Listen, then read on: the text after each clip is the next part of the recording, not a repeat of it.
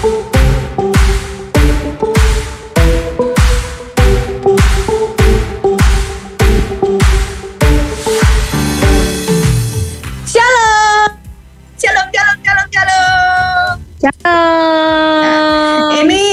ini waktunya take over ya sekarang ya. Take over ya.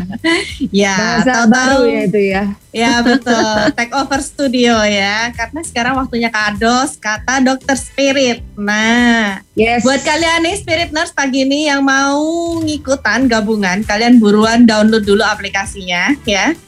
Aplikasi kita ya pastinya ya, jangan aplikasi yang lain ya Spirit Nurse ya. Harus aplikasinya namanya Spirit Online, oke? Yes. Oke, kita sapa-sapa dulu ya. Shalom, selamat pagi Dokter Handi. Ya, shalom Sharon. Coba Sharon Shalom, kepanjangan dari sehat dokter ya, Han- Dok, ya. kepanjangan namanya dokter Handi siapa Sharon? Eh, Handi dok, nama siapa? panjangnya siapa dok? Dokter Handi, gitu ya pasti ya, panjang. Ya, nah, Sharon itu biasanya kurang menguasai materi kalau pagi-pagi dok. Dia pagi soalnya Oh. masih biasanya separuh-separuh. Memang nama, nama, nama dokter termasuk materi ya? Iya Oh, boleh. Kita harus memperkenalkan lengkap dong. Oke, lain Narasumber kali. ya. Oh ya, oke oke. Lain kali saya eh, pelajari namanya juga Ya, yang boleh lengkap. Soalnya dibuka-buka. saya, Boleh dibuka-buka.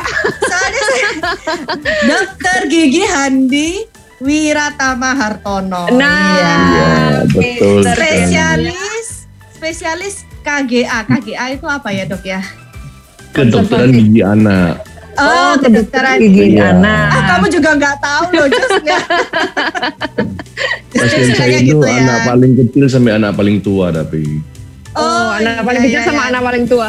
Iya. Sampai anak paling tua. Pokoknya anak manusia. Kalau anak buaya saya nggak berani. Apalagi anak singa ya dok ya. iya. Tapi Lari pasien ya, saya dok, buaya, buaya darat banyak buaya darat. Wah, gawat itu ya. Heeh. Apakah dokter juga termasuk di dalamnya? Nah, ini. Wah. Gak ikut-ikut, gak ikut-ikut. Sebenarnya pagi ini kita mau berbicara tentang apa sih? Gusi mudah berdarah, kok pindah ke Iya. buaya darat gitu ya. Makanya itu ya. Siapa tahu buaya tadi eh, gusinya bisa berdarah juga gitu ya. Buaya darat. Pagi hari Oke, ini kita ya. Eh, seperti yang tadi Sharon sudah sampaikan, ke- kita punya aplikasi namanya Spirit Online. Jadi buat Spiritness yang mau bergabung dengan kita secara gampangnya ini ya, kalian bisa langsung aja download di Play Store aplikasi kita yaitu Spirit Online. Tinggal kalian ketik aja Spirit Online, nanti akan langsung muncul. Setelah itu kalian download dan dari situ kalian bisa WhatsApp kita, kalian bisa live Zoom dengan kita, kalian bisa eh, live IG, live YouTube dengan kita. Semua aplikasi tersedia yang bisa terhubung atau terconnected dengan kita. Yes. Yes. Yes.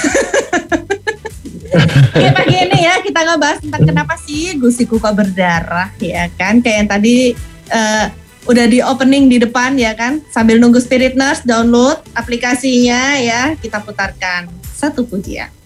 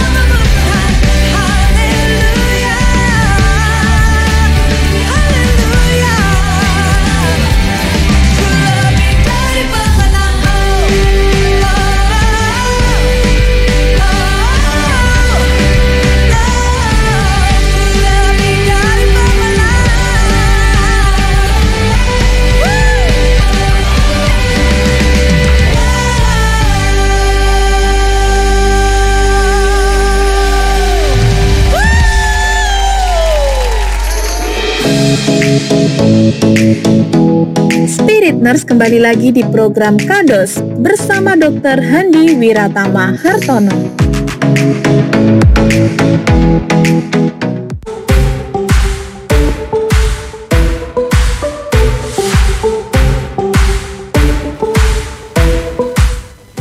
Oke, balik lagi bersama dengan Justin, Sharon, dan kita punya narasumber pagi hari ini adalah Dr. Handi dan Dr. Lengkap Handi dong, lengkap dong. Dr. Handi Wiratama Hartono, oh, spesialis kedokteran gigi anak. Iya, Pelajari lengkap. materi. Enggak, kamu udah tahu dari aku aja tadi. Eh, Oke, pagi hari ini kita berbincang tentang bagaimana sih eh, gusi itu kok gampang berdarah. Karena biasanya orang bilang gigi kok gampang berdarah. Sebenarnya bukan gigi yang berdarah ya dok ya, gusinya iya. yang berdarah ya dok ya. Mm-mm. Nah, betul. Kadang kalau sikat gigi dikit udah berdarah, keluar darahnya gitu kan. Iya. Iya betul Betul betul. Atau atau bisa juga kadang biasanya tiba-tiba berdarah, tiba-tiba berdarah. Nah itu kenapa bisa seperti dok? Mungkin bisa dijelaskan langsung oleh dokter Handi. Silakan dok. Ya, tahap yang ringan itu sering kali kalau kita sikat gigi eh, waktu menduda itu loh kok ada darahnya ya merah-merah gitu ya. Nah, kalau sudah begitu sebetulnya adalah sebuah alarm yang berbunyi bahwa ada yang tidak beres.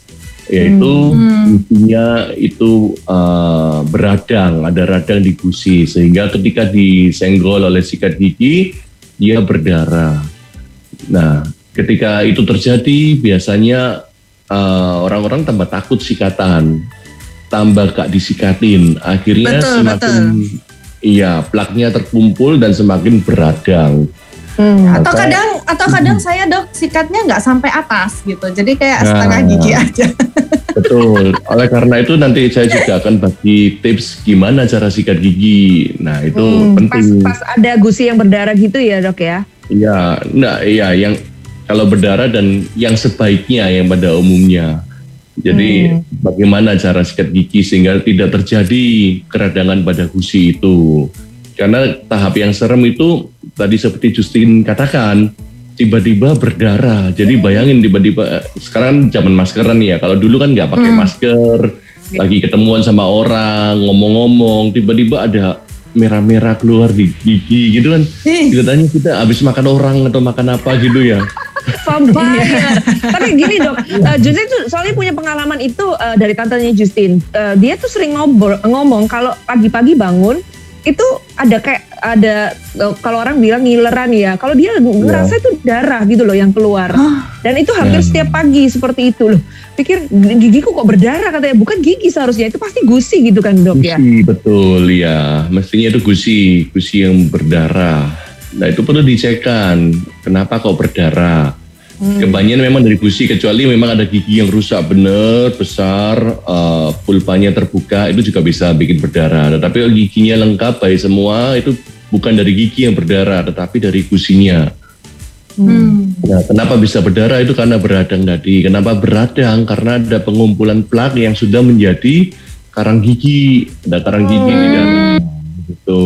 Berarti karang gigi yang intinya yang menyebabkan peradangan gusinya gitu ya dok ya. Betul, betul sekali. Itu bikin kar anu apa gusi mudah berdarah. Jadi caranya sederhana aja sih. Ya harus dibersihkan rutin seperti tadi Justin bilang enam bulan sekali atau at least setahun sekali lah. Nah, di mana ya ini masyarakat Indonesia sih negara plus 62 ini kalau nggak sakit nggak cari dokter gitu kan. Padahal Ya betul sebetulnya betul. servisnya itu enam bulan sekali. Bayangin mobil kita atau sudah motor kita nggak pernah diservis gitu. Bisa jalan bisa, jalan terus jalan sampai suatu hari, loh kok nggak bisa Mogok, jalan? bener-bener. Iya. Tapi kan orang lebih sayang sama kendaraannya. Tiap enam bulan diservis, tiap berapa bulan diservis. Giginya nggak diservis, nah ini bahaya. Padahal itu yang paling penting ya dok, karena itu kesehatan itu bisa sangat-sangat mengganggu kesehatan kita ya. Gigi itu kalau sakit kan bisa lebih sakit dari sakit Ya. hati kan. Nah, tapi ada lagunya nggak gitu katanya lebih baik putus cinta daripada sakit gigi. Kalau gini dok, kalau gusi yang sering berdarah itu, itu apakah mungkin bisa juga disebabkan karena makanan? Jadi nggak hanya karena Um. radang radang terjadi itu karena eh, apa karena luka mungkin atau karena apa gitu dok? Ya tergantung jenis makanannya yang dimakan ya. Kalau misalnya makan buah durian bukan isinya yang dimakan tapi kulitnya ya pasti berdarah lah. Tapi kalau makanan berdarah-darah kalau itu dok. iya, Betul. Kamu kalau makan juga ikan, durinya yang kamu tusuk-tusukkan ke gusi ya berdarah cuy. Berdarah-darah. berdarah. Kalau makanannya pada umumnya tidak bikin berdarah lah pastilah. Ini kita ada Suranto ya dok ya. Siapa tahu Suranto Ya. ini mau bertanya sesuatu uh, tentang gusi yang mungkin mudah berdarah. Mungkin Suranto punya pengalaman seperti itu kali ya. Shalom, selamat pagi Suranto. Selamat pagi Ibu Justin, Ibu Sharon dan Bapak Dr. Hadi. Pagi Suranto. Handi, Handi pakai Hadi, N. oh maaf. Maaf ya, Handi. terima kasih. Dokter dok, Dokter Handi ya. Hmm. Iya. Iya. Betul. Kepanjangannya apa? Eh, pan- nama panjangnya Suranto. Pokoknya namanya dok, dokter dokter dokter gigi Handi. Kalau saya boleh menebak berarti beliau ini apa nih ya? Dokter yang dokter spesialis ya dokter ya? Saya spesialis gigi anak sebetulnya Pak. Iya. Gigi gitu. anak, gigi anak sampai gigi eh, anak besar. Iya, anak paling kecil sampai anak paling tua. Mau tanya saya apa ini Suranto? anak 90 tahun Bentar. juga ada. Sebelum saya bertanya, saya berdoa semoga dokter tetap sehat ya wala- walaupun di masa pandemi ini dokter ya. Ya, Amin. Dokter itu orang paling sabar loh menangani pasien apa pun walaupun walaupun kadang-kadang rewel pasiennya tapi dokternya sabar banget. Amin. ini Pak dokter apa nih tentang, Suranto? tentang gusi ya itu ini temanku ini dia kan baru copot gigi dokter ya baru lepas baru cabut gigi ya itu Hmm, terkadang hmm. dia sakit gitu dokter itu obatnya apa dokter? Ini yang pertama ya. Terus yang kedua saya ini kan suka makan coklat dokter ya. Terus Hmm. pernah satu kali gusi saya itu pernah satu kali itu saya mengalami gusi bengkak gitu ya terus berdarah juga ya. Itu saya obati dengan kumur-kumur dokter sa- sama air hangat. Hmm. terus dua tiga empat hari dia sembuh gitu dokter. Itu maksudnya Hmm. obat yang paling tepat apa dokter ya?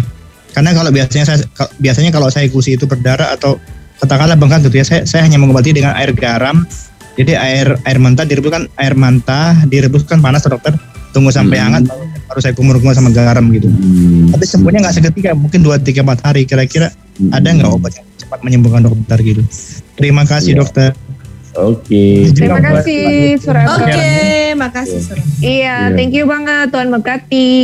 Oke. Luar biasa ya sebenarnya kalau umpamanya dia makan coklat ya dok ya, terus gusinya itu bisa Hmm. berdarah. Nah tadi itu Justin Hmm. juga sempat ber- eh, berpikir apakah ada sesuatu yang dari makanan yang bisa menyebabkan gusi itu gampang berdarah dok? Hmm. Itu kalau jawaban guyonnya paling gampang coklatnya kasihkan Justin aja supaya nggak Ah, berdarah.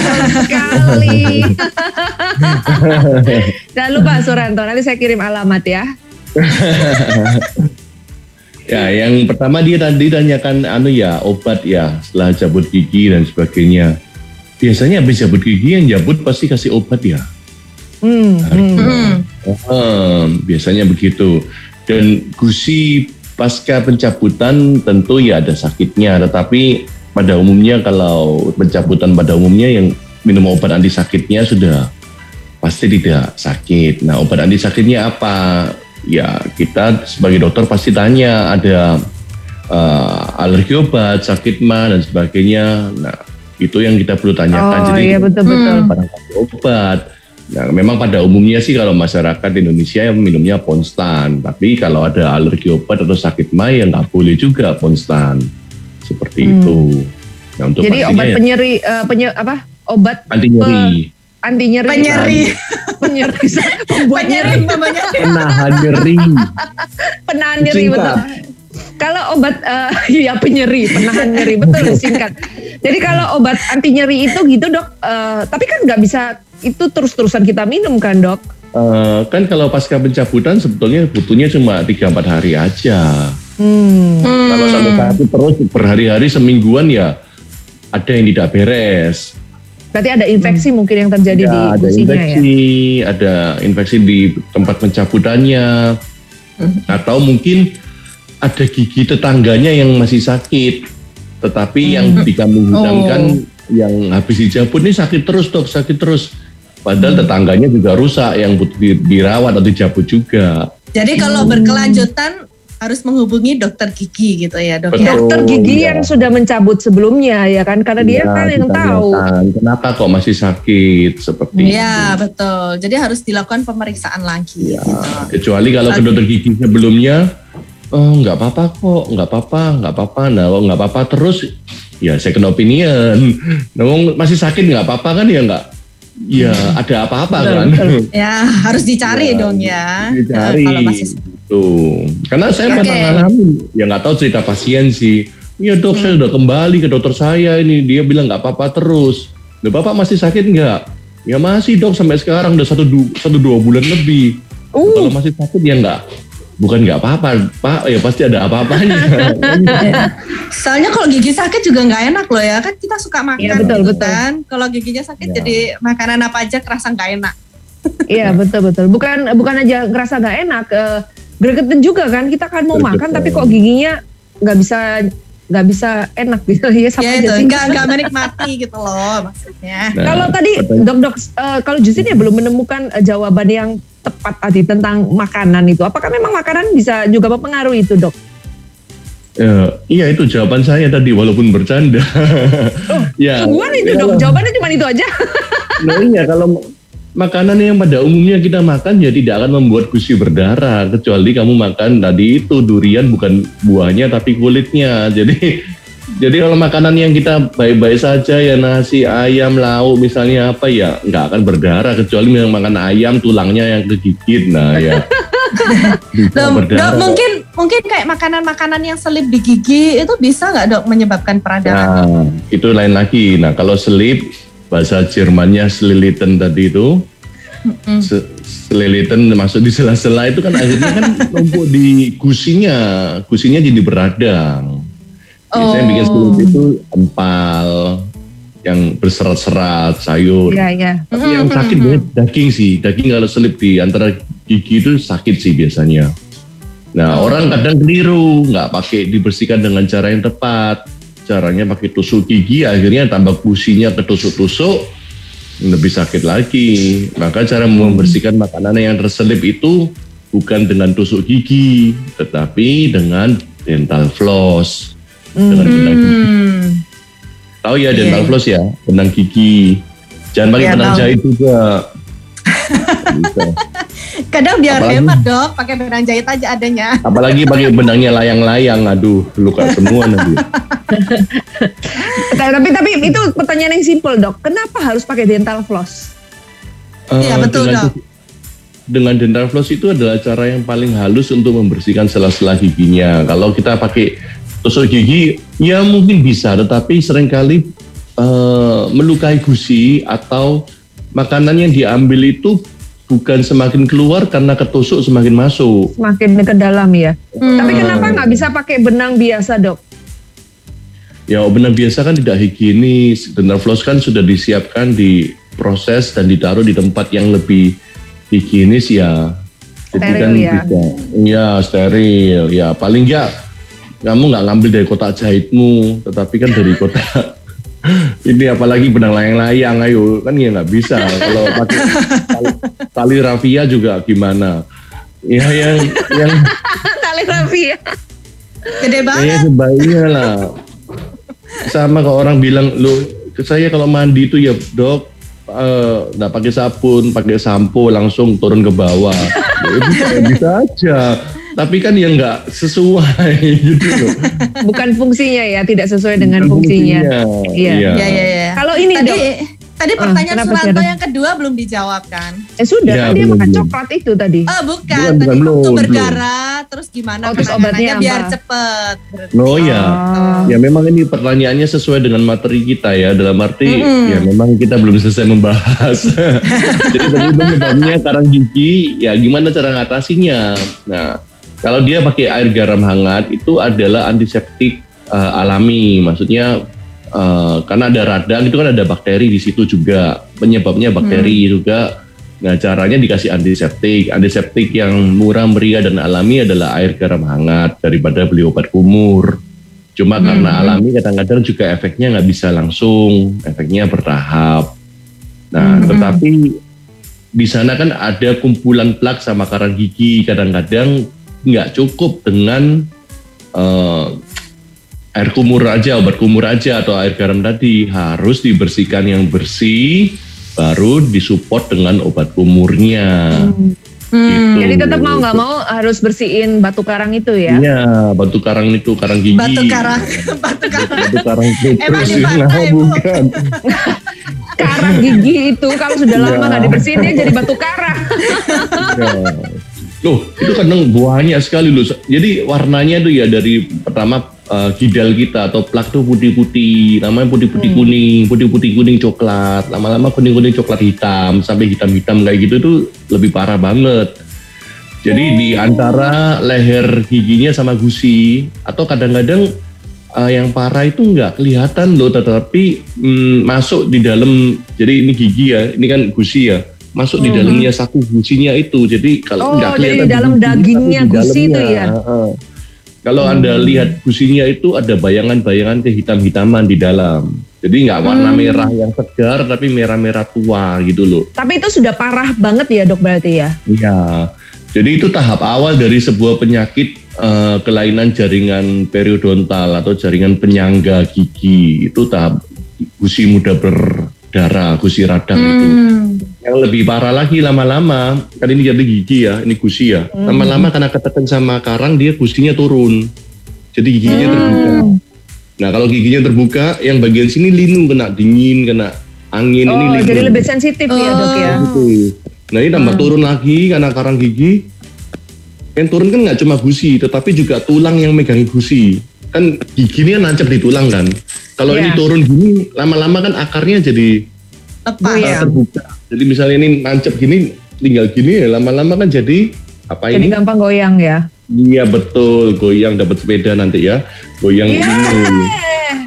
Nah, Oh ya udah, Nah, lama-lama goyang konsentrasi untuk menjawab. tahap berikutnya lepas, giginya pat, apa lepas. Jadi bisa lepas Ah. nanti. Gitu. Karena kan terlalu sudah sudah sampai kelihatan sampai akar-akar yang Nah, menuju ke tulangnya ya dok. Dok, Iya, ada betul. punya pertanyaan. Kalau gusi mudah berdarah itu bisa juga nggak disebabkan karena penyakit-penyakit tertentu? Mungkin karena dia uh, full karena kolesterol, mungkin ada darah tinggi dan lain sebagainya. Tapi nanti ya dok dijawab setelah satu pujian berikut Hmm. Oke, ini ya. siap. Tetap di Oke. spirit.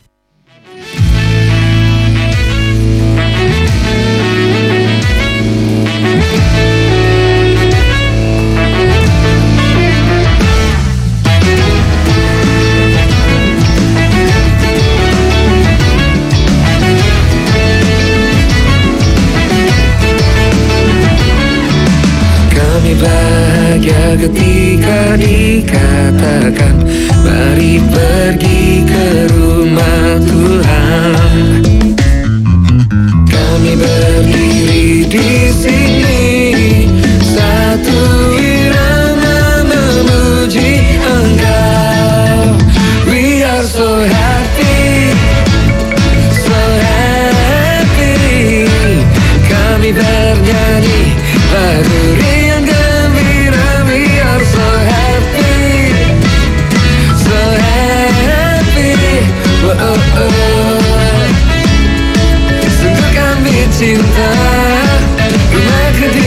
summer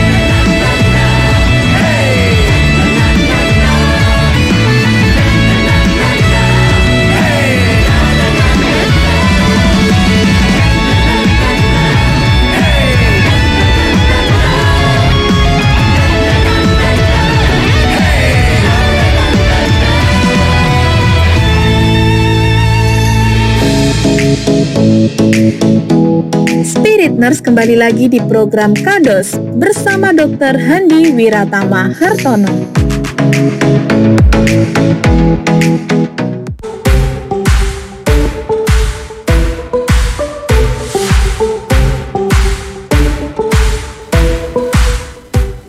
Oke, balik lagi bersama dengan Justin, Sharon, dan Dr. Handi. Kita pagi hari ini membahas Yep. tentang kenapa sih gusi kita itu bisa gampang berdarah ya. Dan tadi ada Suranto sudah bergabung dan sudah dijawab pertanyaannya oleh Dr. Handi. Nah, sekarang jawab pertanyaan Justin, Dok. Ya, Tadi kan. Justin sempat tanya, apakah mungkin karena penyakit-penyakit tertentu juga bisa membuat gampang gusi itu mudah berdarah gitu loh. Gampang mudah berdarah. Gimana sih kata-kata ini? Coba Sharon, Sharon dibantu Sharon. Apakah ada penyakit-penyakit tertentu yang membuat gusi mudah berdarah dok? Iya, silakan dok. Ya, memang ada beberapa penyakit tertentu yang membuat gusi mudah berdarah. Ya, misalnya ada kelainan-kelainan sistemik juga. Itu orang-orang yang lagi terapi kemoterapi, gusinya itu lebih kering dan lebih sensitif, se- misalnya seperti itu. Jadi ada kondisi-kondisi tubuh yang nah, menyebabkan hal-hal tersebut. Nah, tetapi eh, juga ada hormonal, misalnya lagi hamil dan sebagainya, itu gusinya lebih mudah berdarah. Tetapi kebanyakan faktor lokalnya yang lebih gampang dikontrol. Faktor lokalnya misalnya ya karang gigi tadi, Hmm. itu itu tetap pencetusnya harus dibersihkan. Jadi kondisi misalnya dikatakan hormonal ibu hamil, ya dok ini gara-gara hamil, gara-gara hormonal saya gusinya berdarah. Nah, yang dilakukan yang bersihkan karang giginya ibu tersebut bukan ya sudah bu jangan hamil kalau gitu. Enggak gitu kan. Buruan Jadi dilahirkan faktor- tuh anaknya gitu ya. Iya. Faktor lokalnya yang di yang dibetulin. Ya, Sederhana sih karang gigi. Nah masalahnya gini loh, gusi berdarah itu kan kalau tahap awal itu nggak nemen-nemen ya paling sikat gigi ada merah-merah dan sebagainya. Tahap yang lebih ngeri ngomong-ngomong keluar darahnya gitu kayak orang habis makan orang gitu ya. Tapi kan nggak sakit, sering kali nggak sakit. Iya betul betul Tahap nggak sakit. Tahap, berik- tahap berikutnya sakit sih memang ada kemeng-kemeng-kemeng gitu. Tapi tahap-tahap seperti awal tadi cuma berdarah itu nggak sakit dan karena tidak sakit alarm yang bunyi itu nggak keras akhirnya orang nggak ke dokter gigi juga untuk koreksi hal tersebut. Betul. Kalau Suranto tadi cuma pakai kumur-kumur air garam. Iya. Iya betul. Umur kumur betul. garam kondisi tubuhnya lagi baik, fit, akhirnya gusinya juga udah nggak beradang lagi gitu. Nah kalau gigi lubang, lain lagi, lubang kecil memang nggak sakit, tambah dalam eh, linu-linu sedikit, minum dingin linu, minum apa ini makan yang kecut-kecut linu, nah, tambah dalam lagi cekot-cekot langsung, nah langsung mau nggak mau orang ke Harus ke dokter gigi dokter. gara-gara itu. Betul. Kalau cuma berdarah-berdarah sedikit ya sudahlah darah-darah sedikit nggak apa-apa keren. Jadi enggak. Iya betul betul. Biasanya biasanya memang perdarahannya juga nggak panjang ya dok ya, nggak lama Iya, gitu loh. Jadi cuma sebentar aja memang waktu sikat gigi baru berdarah. Kalau enggak enggak. Jadi kayak enggak terlalu mengganggu gitu loh dok. Tapi Iya. sebetulnya itu kayak udah tanda-tanda kita tuh harus kayak cepat-cepat diobatin iya. atau Iya tetap harus ya nggak se-urgent sakit gigi yang karena lubang ya. Tapi kan tetap harus diatur waktu. Oh iya ini harus ke dokter gigi, ini harus bersihkan karang gigi. Ya mungkin satu minggu ini, atau dua minggu ini, atau sebulan inilah cari waktu lah. Kan kalau orang-orang ditunda sampai bertahun-tahun sampai mulai tadi yang saya bilang gusinya melorot, eh, giginya goyang, baru cari dokter gigi. Akhirnya oh ya Iya. kalau udah giginya goyang itu susah loh kembalikannya. Nggak Oh. bisa, gusi itu nggak bisa tumbuh lagi ya dok ya? nggak bisa, nggak bisa. Ya ada Kalau beberapa dipijat-pijat, terapi. dipijat-pijat diurut-urut naik gitu dok. Dokter bisa ada beberapa teknik ada sih beberapa teknik uh, surgery jadi gusinya di uh, flap atau dipotong separuh diangkat naik ke atas dijahit ada beberapa tapi kan kamu mau gusimu dipotong-potong dinaik-naikin gitu kan lebih repot sih Iya dok, Belum. betul-betul. Lebih baik mencegah ya dok ya kalau iya ini ya. dan dan prognosisnya atau ramalan keberhasilannya juga tidak terlalu baik. Maksudnya setelah diangkat dijahit dinaikin itu juga turun lagi. Kayak gitu. Pun grafting tadi kan saya bilang tulang tulangnya turun. Oh iya dibuka flap terus dikasih bubuk tulang sebagainya. Terus ditutup lagi supaya tulangnya naik lagi. Bisa ada teknik-tekniknya ada, cuma ya sejauh ini saya lihat kok ya selain prosedurnya panjang dan rumit, menghabiskan waktu dan duit, hasilnya itu nggak signifikan banget gitu loh. Kalau kalau dibayangin juga kayak mengerikan ya tindakannya ya. Iya. Potong sana sini ditambal gitu ya. tulang itu ada yang sintetik. Sintetik itu artinya bubuk tulang buatan atau ngambil dari mana dan sebagainya. Tapi Hmm. bubuk tulang yang paling bagus ngambil dari tulangnya sendiri. Tulangnya yang diambil banyak tulang panggul. Tuh. Nah, serem lah buka panggul ngambil tulangnya sedikit di- ditaruh di dalam sini loh lah. Repot sih ya sudah lah bersihkan karang gigi lebih gampang kan. Iya iya betul betul betul dok. Betul betul betul. Dok terus gejalanya eh, apa namanya radang gusi tadi itu selain mudah berdarah apa ada lagi dok supaya kita Oh, tuh tahu ada, gitu. ada. Sebenarnya dengan karang gigi itu bikin gusi mudah berdarah, bikin bau mulut. Ah, bau mulut dari karang gigi sering kali itu. Hmm. Terus Loh dok sebetulnya bau mulut itu juga suatu kayak sinyal gitu ya dok ya bahwa ada Iya, ada something yang di mulut beres. gitu ya. iya Hmm. betul. Ada something di mulut iya. Kalau kamu makan durian ya jelas aja bau durian. Nah, memang mulut ini kan jendelanya dari sistem pencernaan kita. Mungkin juga bisa dari yang lain sih, dari lambung kita, dari pencernaan kita bisa. Cuma kan sekali lagi daripada endoskopi ke lambung kan lebih gampang mulutnya dulu dibetulin kan. Iya betul betul dok. Nah, Lihat jadi yang ya- di depan mata dulu ya dok ya. Iya, lubang diberesin. Toh lubang juga harus ditembel. Toh karang gigi juga harus dibersihin. Semua dilakukan dengan baik. Eh kok sudah beres ya dok? Sudah nggak bau lagi ya? Sudah kan nggak usah endoskopi dan sebagainya. Karena memang ada ada ada juga gejala-gejala dari sakit gigi yang bisa ternyata eh, kena ke hal-hal yang lain ya dok ya, ke organ-organ tubuh yang lain juga. Bisa, bisa. Bisa, jadi ya infeksi dari gigi bisa ke mana-mana. Ke- Contoh saya punya pasien anak dengan kelainan jantung, dia mau operasi klep jantungnya, ya tentu giginya harus diberesin dulu karena kalau enggak infeksi dari gi- gigi itu bisa mengganggu in- ini operasi jadi infeksi. Hmm. Seperti itu. Ya, kalau jantungmu sehat-sehat saja sih nggak terlalu pengaruh, tapi kalau untuk orang-orang yang berkelainan jantung ya jadi pengaruh. Hmm, oke.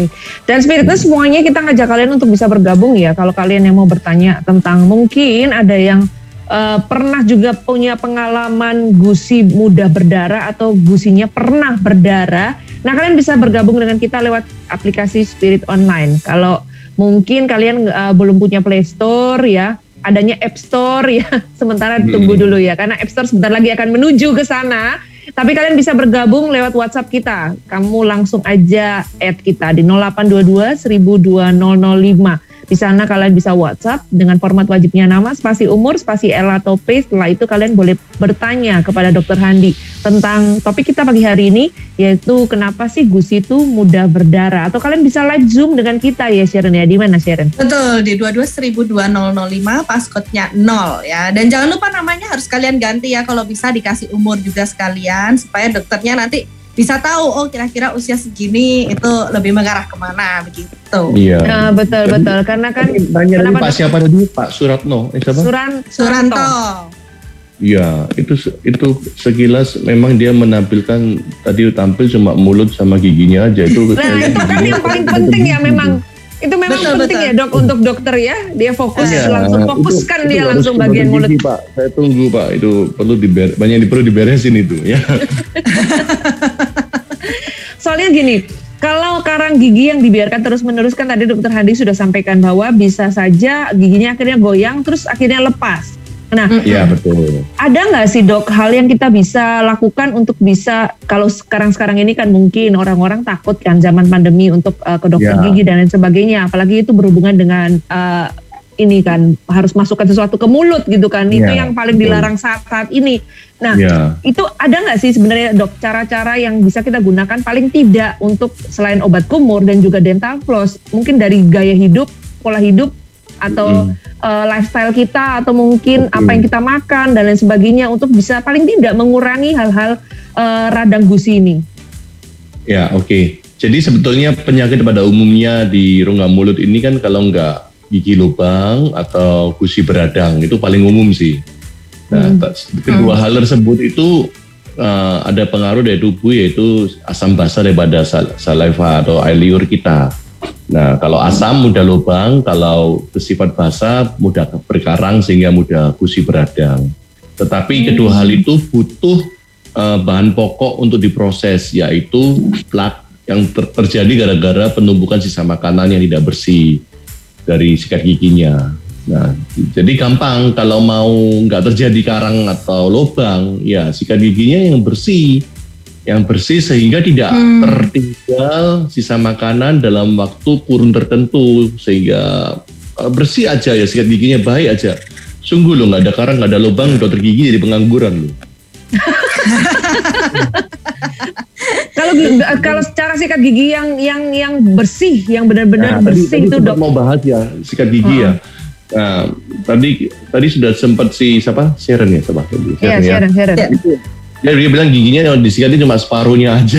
Iya, karena waktu dia merasa eh, gusinya ada radangnya, dia sikat giginya separuh. Makanya kelihatan Nah. kan dok, dia Oh, bukan, giginya itu bukan. separuh gelap, separuh terang. Iya. Enggak loh, enggak loh. Padahal aku maksudnya bukan setiap kali sikat gigi. Jadi maksudku waktu waktu aku sikat gigi dong, waktu saya sikat gigi tuh, kalau pas kena gusinya gusinya berdarah. Jadi takut. Jadi akhirnya kalau sikat itu nggak sampai mentok gitu loh dok. Iya. itu Nggak kalau sampai ke berdarah gusinya, aja. ya. Kalau berdarah jadi- aja, iya. Kalau Nah, enggak ya. harusnya kalau sikat gigi itu harusnya dari gusi ke gigi. Jadi Oh. Tetap gusinya harus dipijit, disikat ke arah gigi, jangan kebalik juga. Jadi Jangan kamu naik turun, naik turun, naik turun gitu. ah, nggak boleh. Iya, aku naik turun naik turun. Nggak boleh. Jadi kalau atas selesaikan atas dari merah ke putih. Ingat kita habis merdeka Hmm, kan, merdeka merah benderanya ke merah putih. putih. jadi merah ke putih gitu ya. Merah ke putih. Yang bawah juga dari merah ke putih.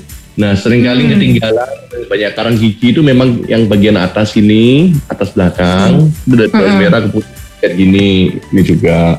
Nah, yang yang berikutnya bawah-bawah yang di gigi depan tapi bagian belakangnya itu sering juga ketinggalan. Jadi ambil bulu sikatnya ditarik ke atas gini loh. Hmm, kan dok, Yang- kalau yang seperti itu kan di agak sulit. Hmm? Iya, itu kan agak sulit ya dok. Kalau kita melakukan yang dari merah ke putih gitu ya dok. Itu Hmm. ada kisaran berapa kali nggak dok? Jadi maunya empat kali ah, merah ke putih. Jadi paling tidak kita tahu batasnya. Karena biasanya Justin sikat gigi atas ke bawah sampai 8 kali kok rasanya nggak bersih-bersih. Sebetulnya kalau sepintas kalau kacaan gitu kelihatan loh sikat giginya sudah bersih atau enggak. Maksudnya em, kalau sudah bersih tuh eh, warnanya kinclong gitu loh. Jadi Oh nggak ada putih-putihnya biasanya gitu ya dok ya. eh, kalau kita ingin foto cetak foto ada yang glossy, ada yang doff itu loh. Ya, ya sudah glossy gitu. Masih ngecup itu artinya masih ada sisa-sisanya. Itu kelihatan sungguhan. Seringkali kalau saya eh, bikin tes sama pasien-pasien ya, coba deh kamu mau mau ke sini sikat gigi dulu yang baik, nanti kita sama-sama cek, sama-sama periksa. Itu kan artinya sikat gigi yang mau ketemu saya kan, harusnya dia lebih berhati-hati kan. Itu pun masih banyak ketinggalan, apalagi sikat gigi yang mau tidur. Waduh, bablas wis. Betul betul dok. Berarti saya tuh sikat giginya selama ini terlalu cepat berarti ya. Kalau bayangin pakai caranya dokter kan lama harus gitu ya pelan-pelan, kayaknya ya. harus pelan-pelan Kalau memang. mau teorinya yang benar itu lebih lama lagi loh. Bayangkan satu bulu sikat itu kan kira-kira tiga gigi ya. Hmm. Ya. Dua sampai Nah, tiga gigi, betul dok. Ah, dua menit itu di, diputer 7-8 kali loh terus geser 7-8 kali 7-8 kali seperti itu loh jadi lama banget Iya lama iya. banget tapi ya terus Justin- terang saya juga Justin- nggak saya, saya juga Tapi nggak Justin pernah praktekkan seperti itu loh dok. Justin pernah praktekkan seperti itu dan sepertinya kalau bagi Justin malah lebih bersih yang atas bawah atas bawah atas bawah gitu dok. oh, Ya, gitu. kalau saya lebih kayak memutar biar cepet dong. Zzz, semua gitu. Tapi mungkin ya gak bersih itu ya jadinya ya karang Ya. gigi. sebetulnya kalau ukuran yang lain biasanya orang-orang pakai ini loh apa sen apa ini jam pasir itu loh yang dua menit loh nah minimal dua, dua menit Oh. Oh iya itu ada hubungannya lagi dengan fluoride. Nah, fluoride yang kita pakai di pasta gigi itu mengandung fluoride kan. Hmm, hmm, hmm. Fluoride itu akan aktif apabila dia di dalam rongga mulut lebih lama sekitar 2 menit, 2 3 menit gitu. Jadi kalau sikat gigimu nggak sampai 2 sampai 3 menit, maka sebetulnya Fluoride-nya fluoride-nya belum nempel ya. Iya, Oh, begitu. sia-sia juga. Kalau sikat giginya cuma dielus-elus, selesai sudah. Hmm. Eh, eh, Soalnya saya pernah banyak. lihat saya pernah lihat acara dok, dia kayak tantang-tantangan, eh sikat gigi tercepat gitu. Jadi itu nggak Oh. betul ya dok ya. Yang paling Kamu kemakan iklan kamu Sharon ya. Iya. Oke, kita akan Masa balik lagi setelah beberapa. Oke. kita balik lagi ya dok Naya nanti setelah beberapa Ya. pujian berikut ini. Tetap di Spirit. siap.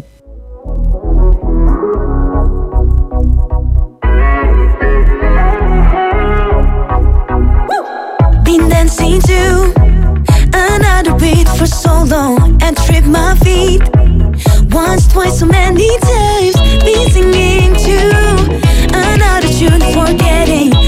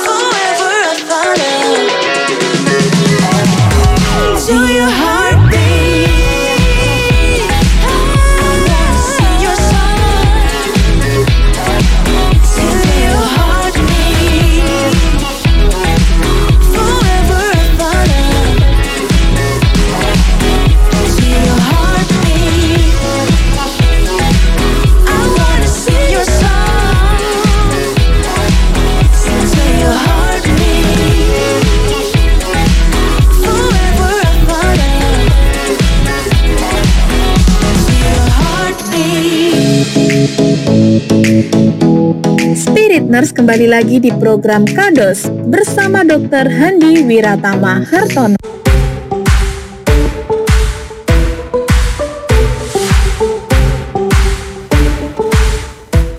Mari gusi-gusi yang sering berdarah mari merapat.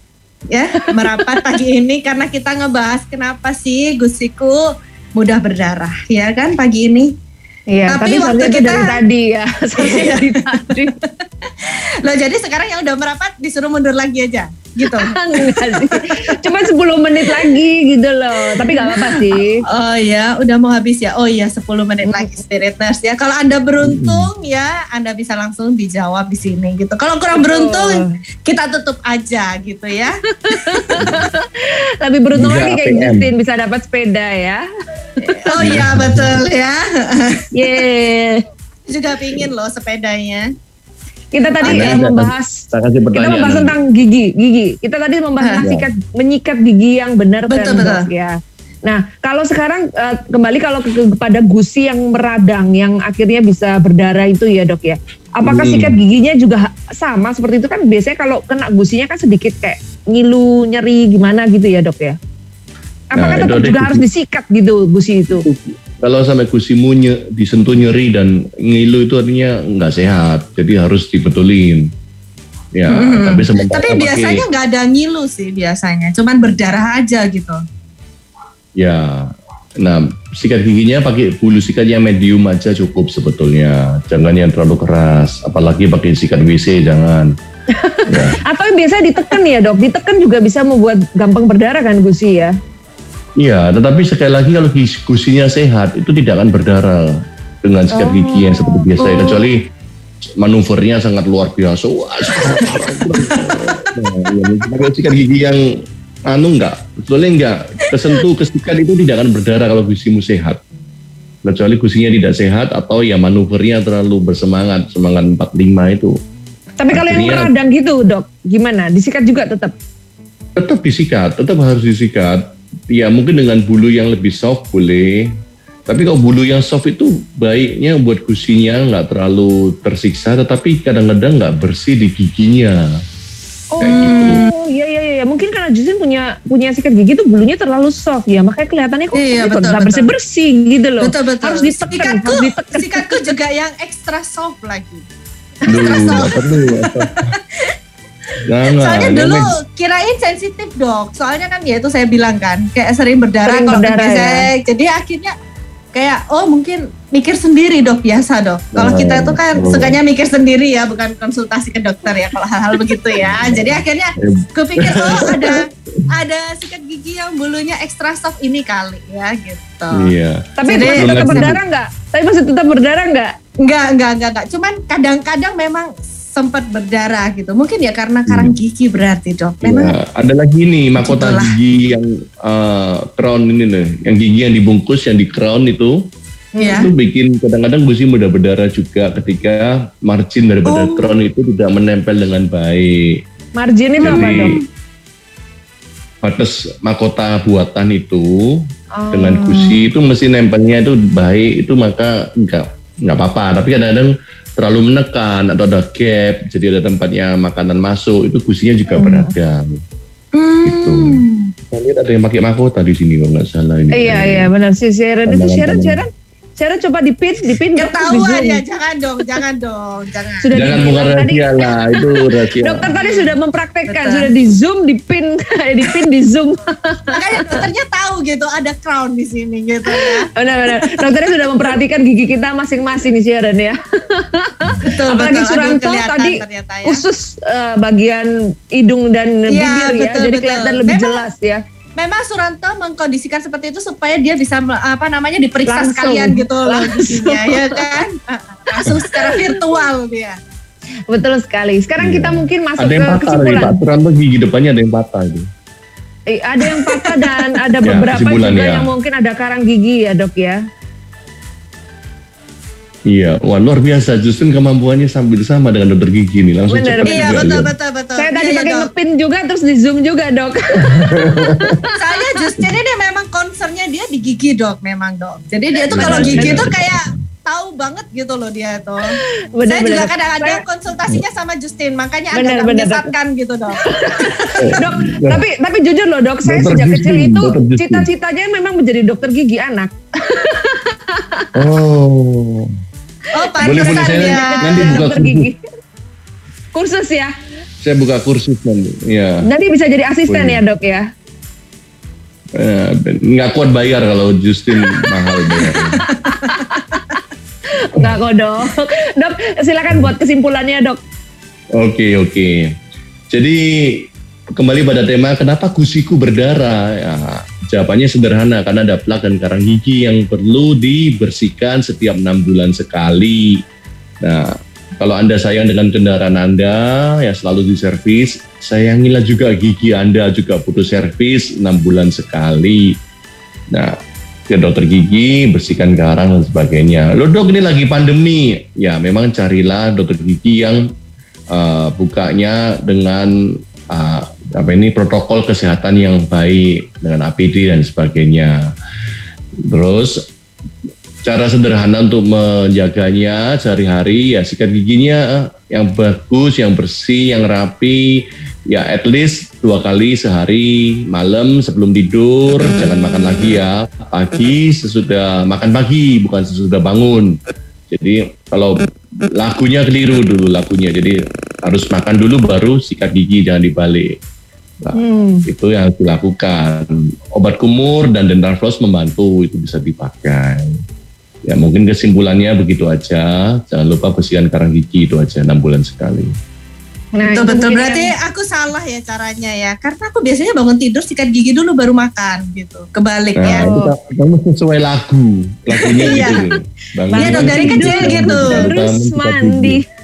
Tidak lupa menggosok gigi. Kalau betul Justin betul, ya dok, betul. bangun memang cari Iya, makan dulu dok.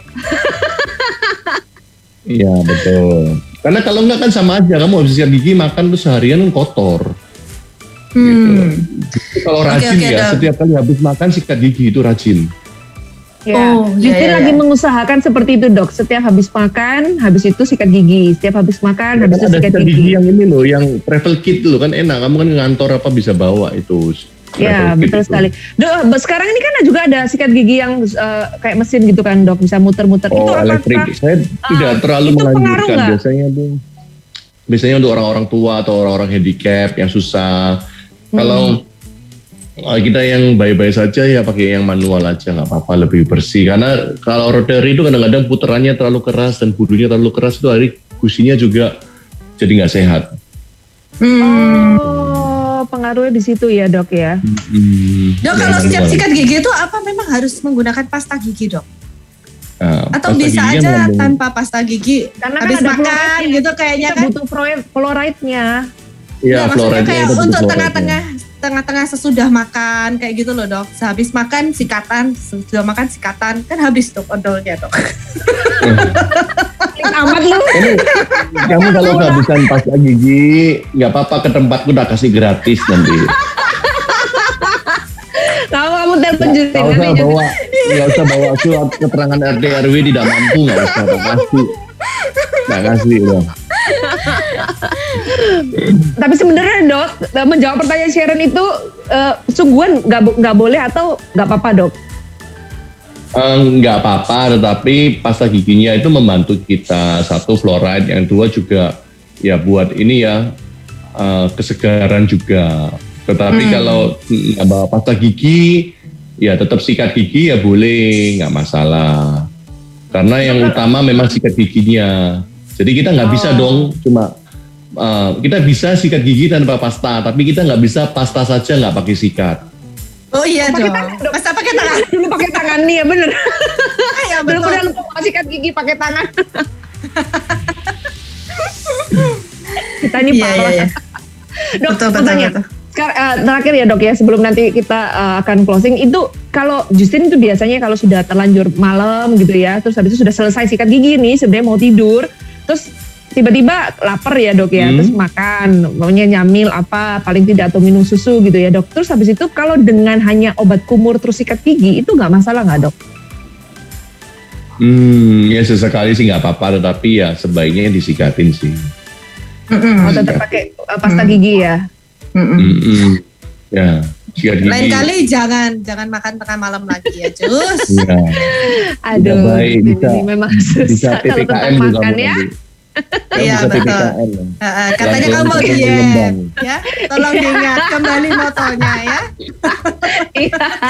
Oke, ya. Spiritus buat kalian semua yang mungkin masih mau konsultasi dengan Dokter Handi ya, kalian bisa langsung aja WhatsApp Dokter Handi di 0812 3278 789 ya. Kalian bisa janjian untuk konsultasi ya kan by appointment tentu saja. 0812 3278 789 atau kalian bisa juga eh, yang sudah janjian terus mau datang bisa langsung ke Dental Land Clinic ya di HR Muhammad Square Ruko Ruko HR Muhammad yang Ruko Square itu ya dok ya Ruko sih? Square. HR HR Muhammad Square. Square Ruko Monggo Ya, HR. yang paling gampang anu lah, WA saya lah, WA saya yang Nah. paling gampang ya. Oh iya dia. betul betul betul. Bisa Bisa di ditunjukin mana langsung saja, lokasinya di mana gitu. Konsultasi 24 jam online. Dikasih ada yang Waduh, tanya. keren banget. Kenapa dok? Ih, ada yang tanya di chat ini siapa yang tanya ini? Oh iya Kalau iya pakai iya. iya. gigi merapikan gigi estetika panjang waktunya tidak merusak gusi dan sebagainya. Eh, Ini dokternya baca sendiri ya pertanyaannya. dari Ibu Adi. Iya, benar. sih. Agak cepet, Dok, ada- Ya, dia ada banyak ngejawab kasihan nanti penasaran. Iya benar-benar. Jadi tentu dengan kawat gigi atau braces itu membuat kita lebih susah membersihkan uh, sikat giginya.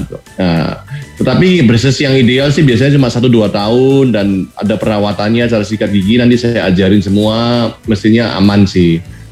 Tapi saya juga menjumpai banyak orang dikawat sampai 5 5 6 7 tahun itu ya ada yang ada yang nggak benar itu kelamaan. Yang nggak Oh benar justru dikawat sampai tujuh tahun loh dok. Nah itu nggak benar, itu kelamaan lah. Kasihan kamu. Akhirnya sekarang jadinya liar. Enggak enggak bukan gitu. Karena kita dulu kalau dulu ya, kalau dulu eh, kawat gigi itu kayak seperti keren gitu loh dok. Jadi jangan dicabut, jangan dicabut, jangan dicabut. Iya. Harusnya kontrol dia nggak kontrol dok Iya. supaya semakin Iya. lama pakai kawat giginya. Bilang sama dokternya, dok jangan nggak mau, masih mau pakai kawat gigi terus. Iya. Biasa, Dulu biasa. ada yang nahan, sekarang nggak nggak ketahan, akhirnya jadi penyiar.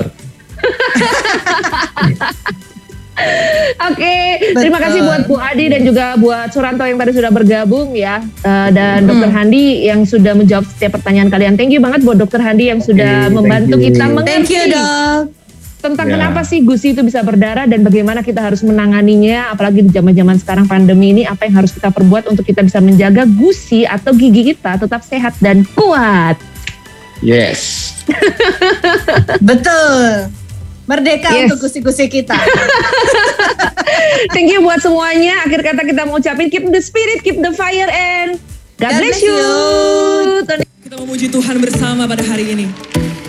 Yang setuju tepuk tangan dong.